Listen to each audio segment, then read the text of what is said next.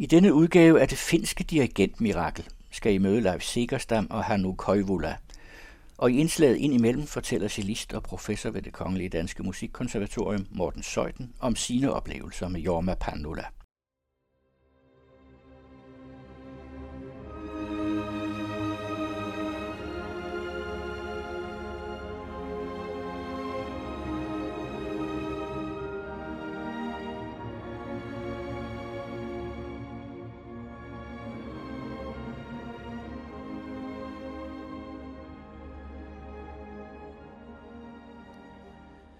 Det finske dirigentmirakel omfatter i disse podcast 16 finske dirigenter, alle med international karriere. Finland har cirka det samme antal indbyggere som Danmark, godt 5,5 millioner, og i den betragtning er det påfaldende, at Finland har kunnet spy så stort et antal verdensdirigenter ud. 9 ud af de 16 dirigenter er født mellem 1953 og 69, og lige i årene 1973 til 94, hvor den gruppe var ved at blive voksen, var Jorma Panula professor i direktion på Sibelius Akademiet. De ni har alle studeret hos Jorma Panula på akademiet, og tre af de yngre har været privatelever hos ham, efter han var gået af. Af de sidste fire er Leif Sikkerstam og Okukamo uddannet før Panula blev ansat, og Pavo Berglund er den ældste, født i 1929 og død i 2012. Den sidste er Jorma Panula selv. Finske dirigenter med international karriere – 12 uddannet af Jorma Panula. Han er i dag 90 år. De har alle et instrument ved siden af, og nogen er også komponister. Vi skal høre om dem alle 16 i 8 podcast, to og to med den musik, de elsker og det, de står for.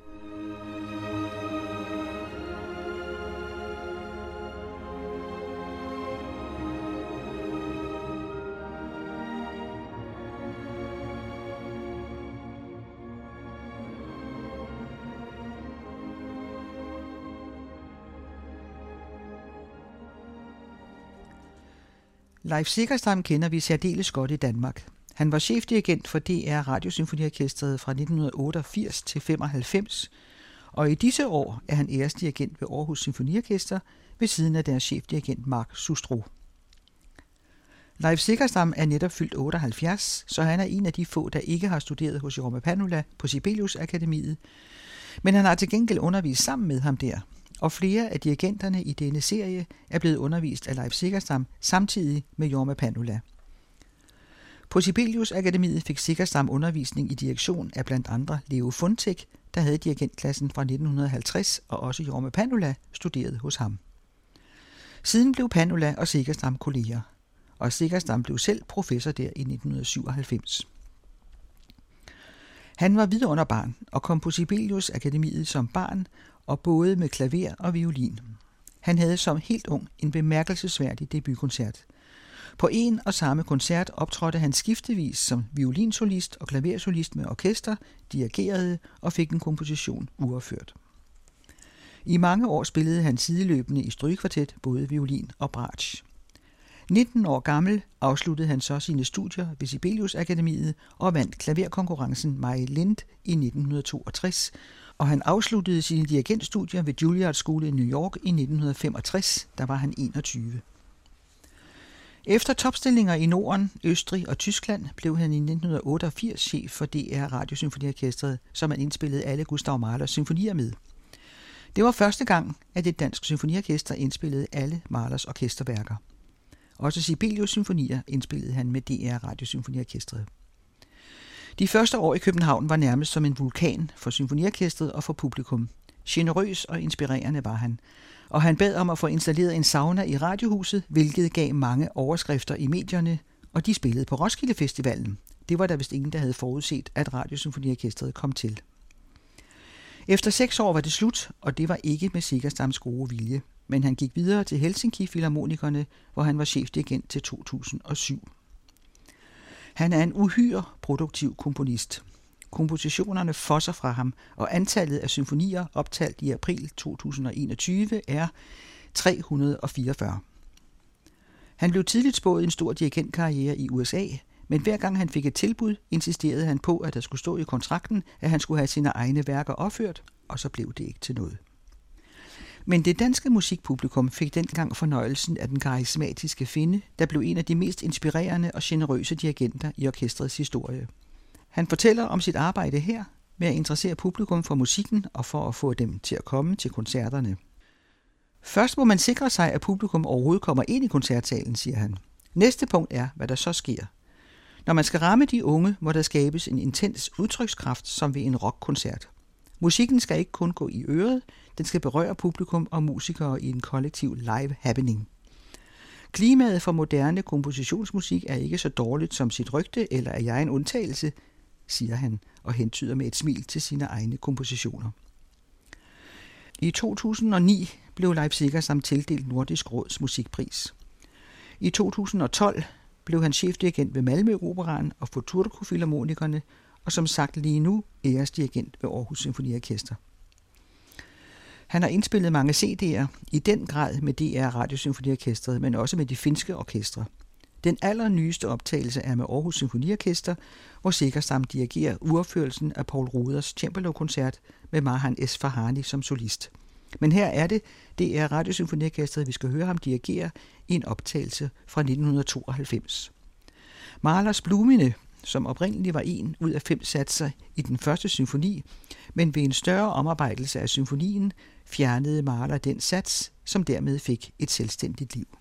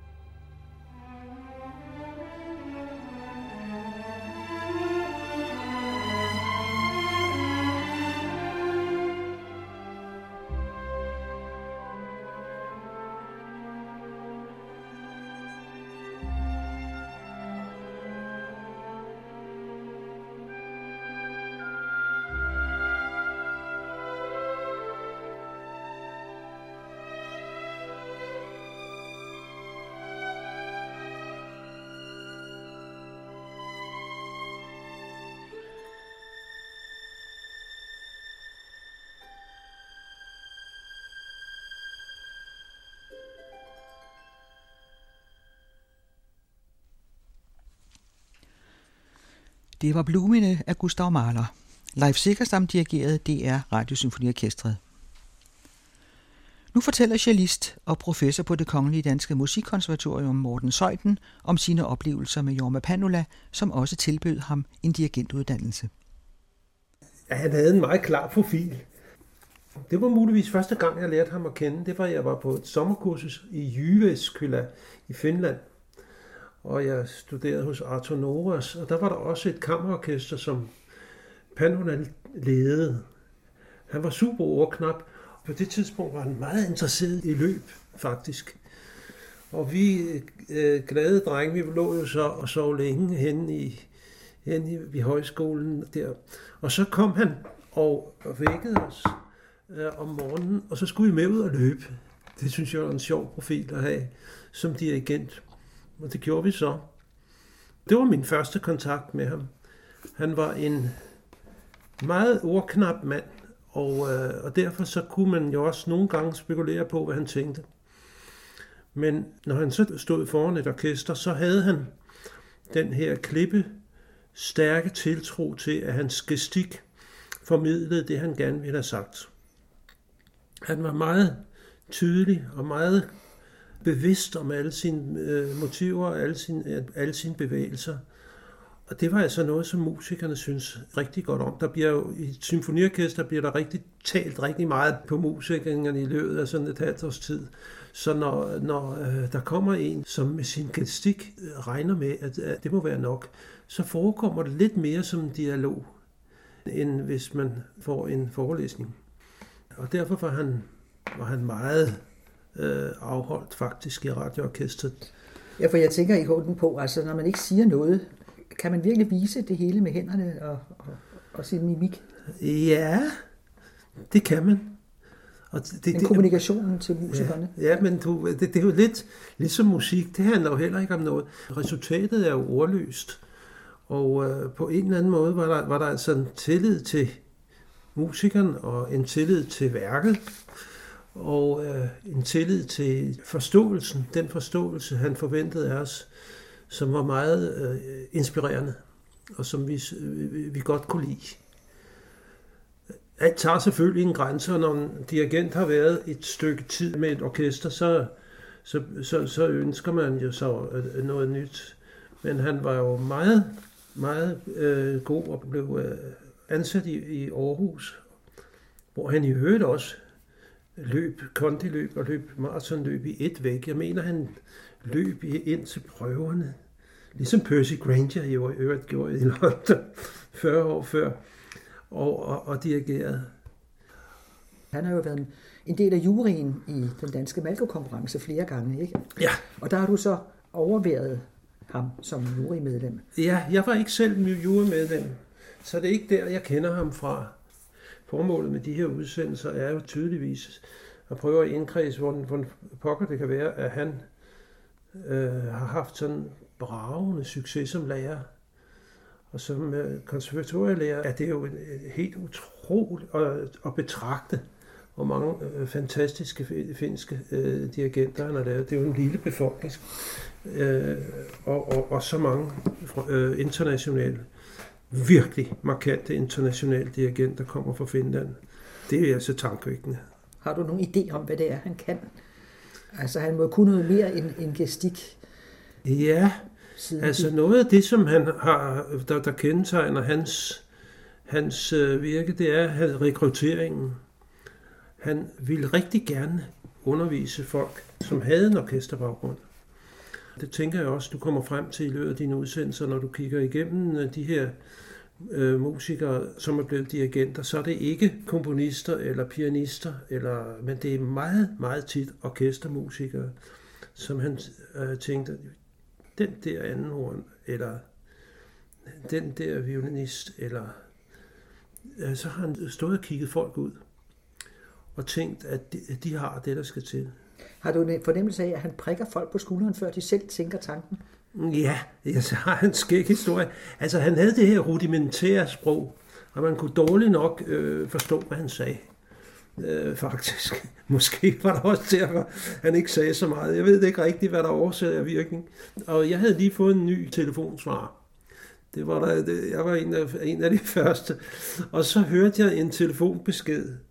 Og jeg kunne godt forstå, jeg godt høre, det var ja, Baranola. Og øh, der er direktion, og så det forstod jeg ikke rigtigt, hvad han sagde. Så jeg troede, han havde et job til mig som solist. Nu skal det siges, at jeg faktisk har spillet rigtig meget med ham som solist. Og også de her rigtig krævende store værker, som Per Nørgaards første cellokoncert, men også Boholtens og Pelle Gudmundsen, tror jeg også, det var ham. Nej, det var Michael. Men jeg havde optrådt flere gange med ham som solist i kompliceret ny musik. Og så øh, var der på telefonsvaren den her historie, øh, bare der er direktoren, så troede jeg, at jeg skulle ringe til Wilhelm Hansen koncertdirektion. det gjorde jeg så. Og de var, de var helt på barbund. Og øh, så gik det op for mig, at han ville spørge, om jeg ville have nogle timer som dirigent. Og øh, det var jo en kæmpe chance. Der var med to andre, jeg to meget interessante yngre musikere. Så lavede han sådan en lille specialklasse. Han var jo professor på konservatoriet i København. Og så skulle vi en gang om ugen mødes nede i slagtøjskælderen. Og så fik vi undervisning, dirigentundervisning. Og det var på samme måde ret ordknapt, men det var super konkret. Det var helt tydeligt, hvad han, hans råd gik ud på, og det galt bare om at spidse øre. Og det gjorde jeg også så godt jeg kunne. Jeg havde to problemer, som gjorde, at jeg ikke videreførte uddannelsen. Det ene var, at vi skulle dirigere hinanden, mens vi spillede klaver. Jeg kan huske tydeligt en time med ham, hvor jeg skulle spille øh, partitur fra Beethovens anden symfoni. Og selvom der ikke blev pillede alt for meget i perfektionen der, så kunne jeg simpelthen ikke gøre det godt nok. Det kunne jeg mærke.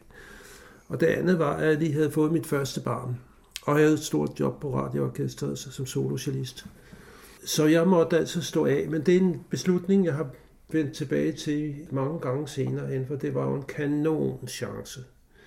Og det er et meget spændende felt. Så er det spørgsmål, om jeg havde den begavelse, først og fremmest den psyke, der skal til for at være en, en, en god dirigent. Det finder vi sgu aldrig ud af, men, men det var en chance, som han gav mig, ligesom han gav andre, andre orkestermusikere chancer. Og det tror jeg er en del af hans succes. Han har været rigtig, rigtig god til at kigge folk ud, når han var ude og dirigere, og finde nogle unge, der, der, men, der kunne noget med. Men, men han, han ville altid have en, der havde et instrument først. Ikke? Du skulle jo ikke både kunne spille cello og klaver. Men det, altså, jo, det, det havde han forventet. Det havde, nå. Ja. Og der dumpede Morten. Ja. Ej, da han smed mig ikke ud, det var slet ikke det. Men Nej. jeg kunne se, at jeg kunne ikke, jeg kunne ikke løfte. Nej den opgave. Og det skulle også gå skide hurtigt, når han, det, alt hvad han lavede, der gik hurtigt.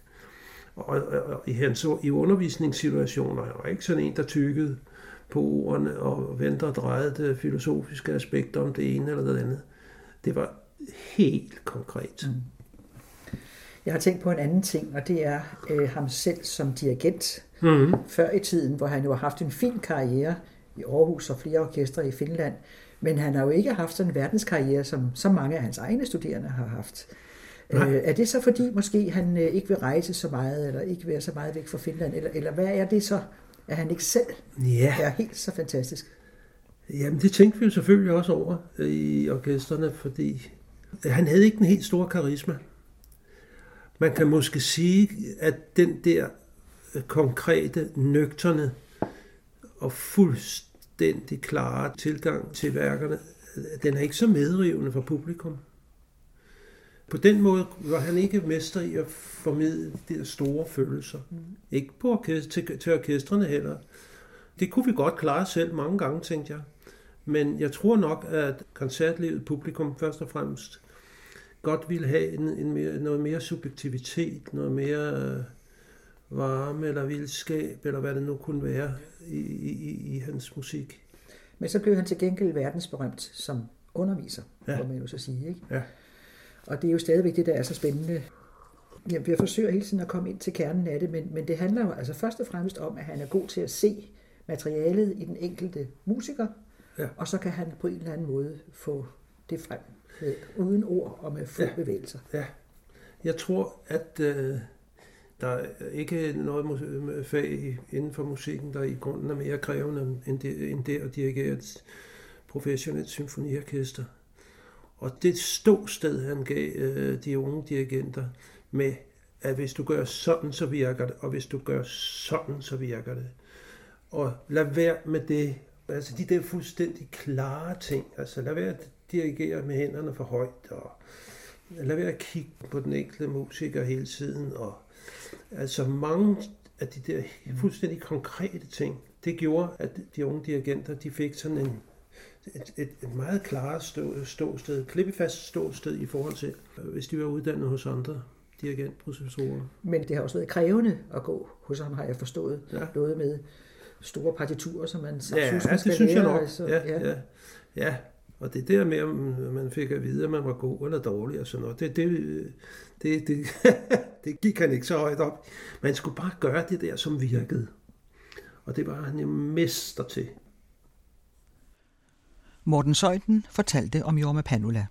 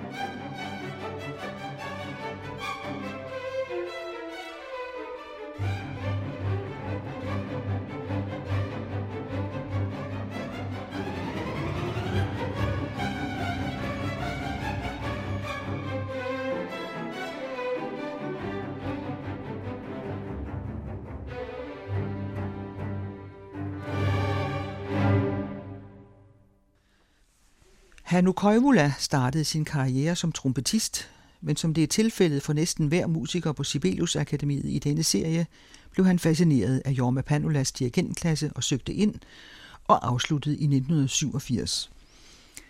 I 1990 vandt han, 30 år gammel, den nordiske dirigentkonkurrence i Stockholm, og året efter nåede han finalen i Toscanini-konkurrencen i Parma i Italien. Efter flere engagementer i Finland, blandt andet ved Bjørneborgs Sinfonietta, hvor endnu en fra denne serie, Ari Rasilainen, også har været chefdirigent, har Hannu Koivula haft engagementer i Sverige, ved Jævle Symfoniorkester og i Danmark med DR Underholdningsorkestret.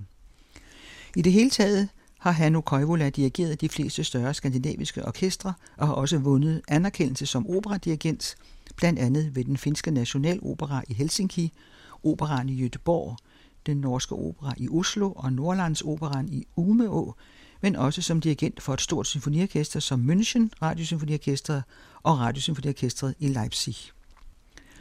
I Tyskland i Nordrhein-Westfalen fik han en anmeldelse som denne. Når Hanno Koivula dirigerer, kan han helt klart garantere den mest stilistisk fuldendte fortolkning.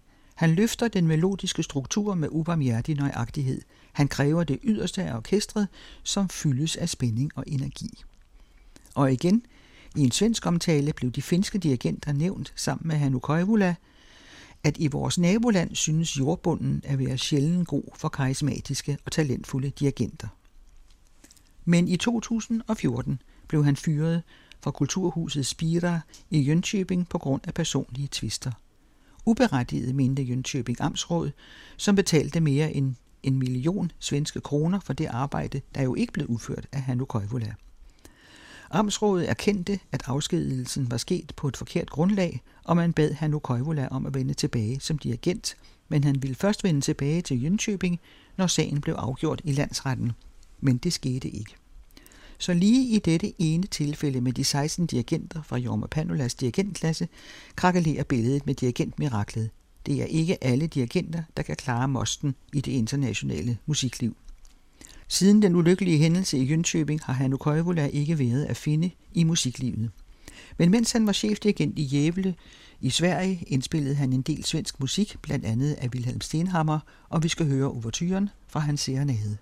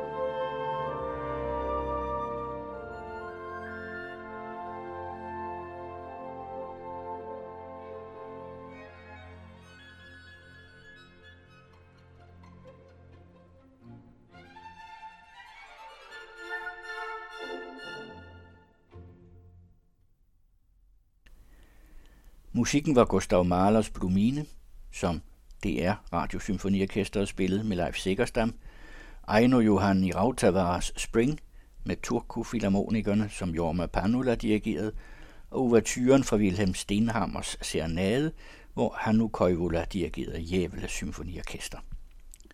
De to næste finske dirigenter er Susanne Melki og Hannu Lintu.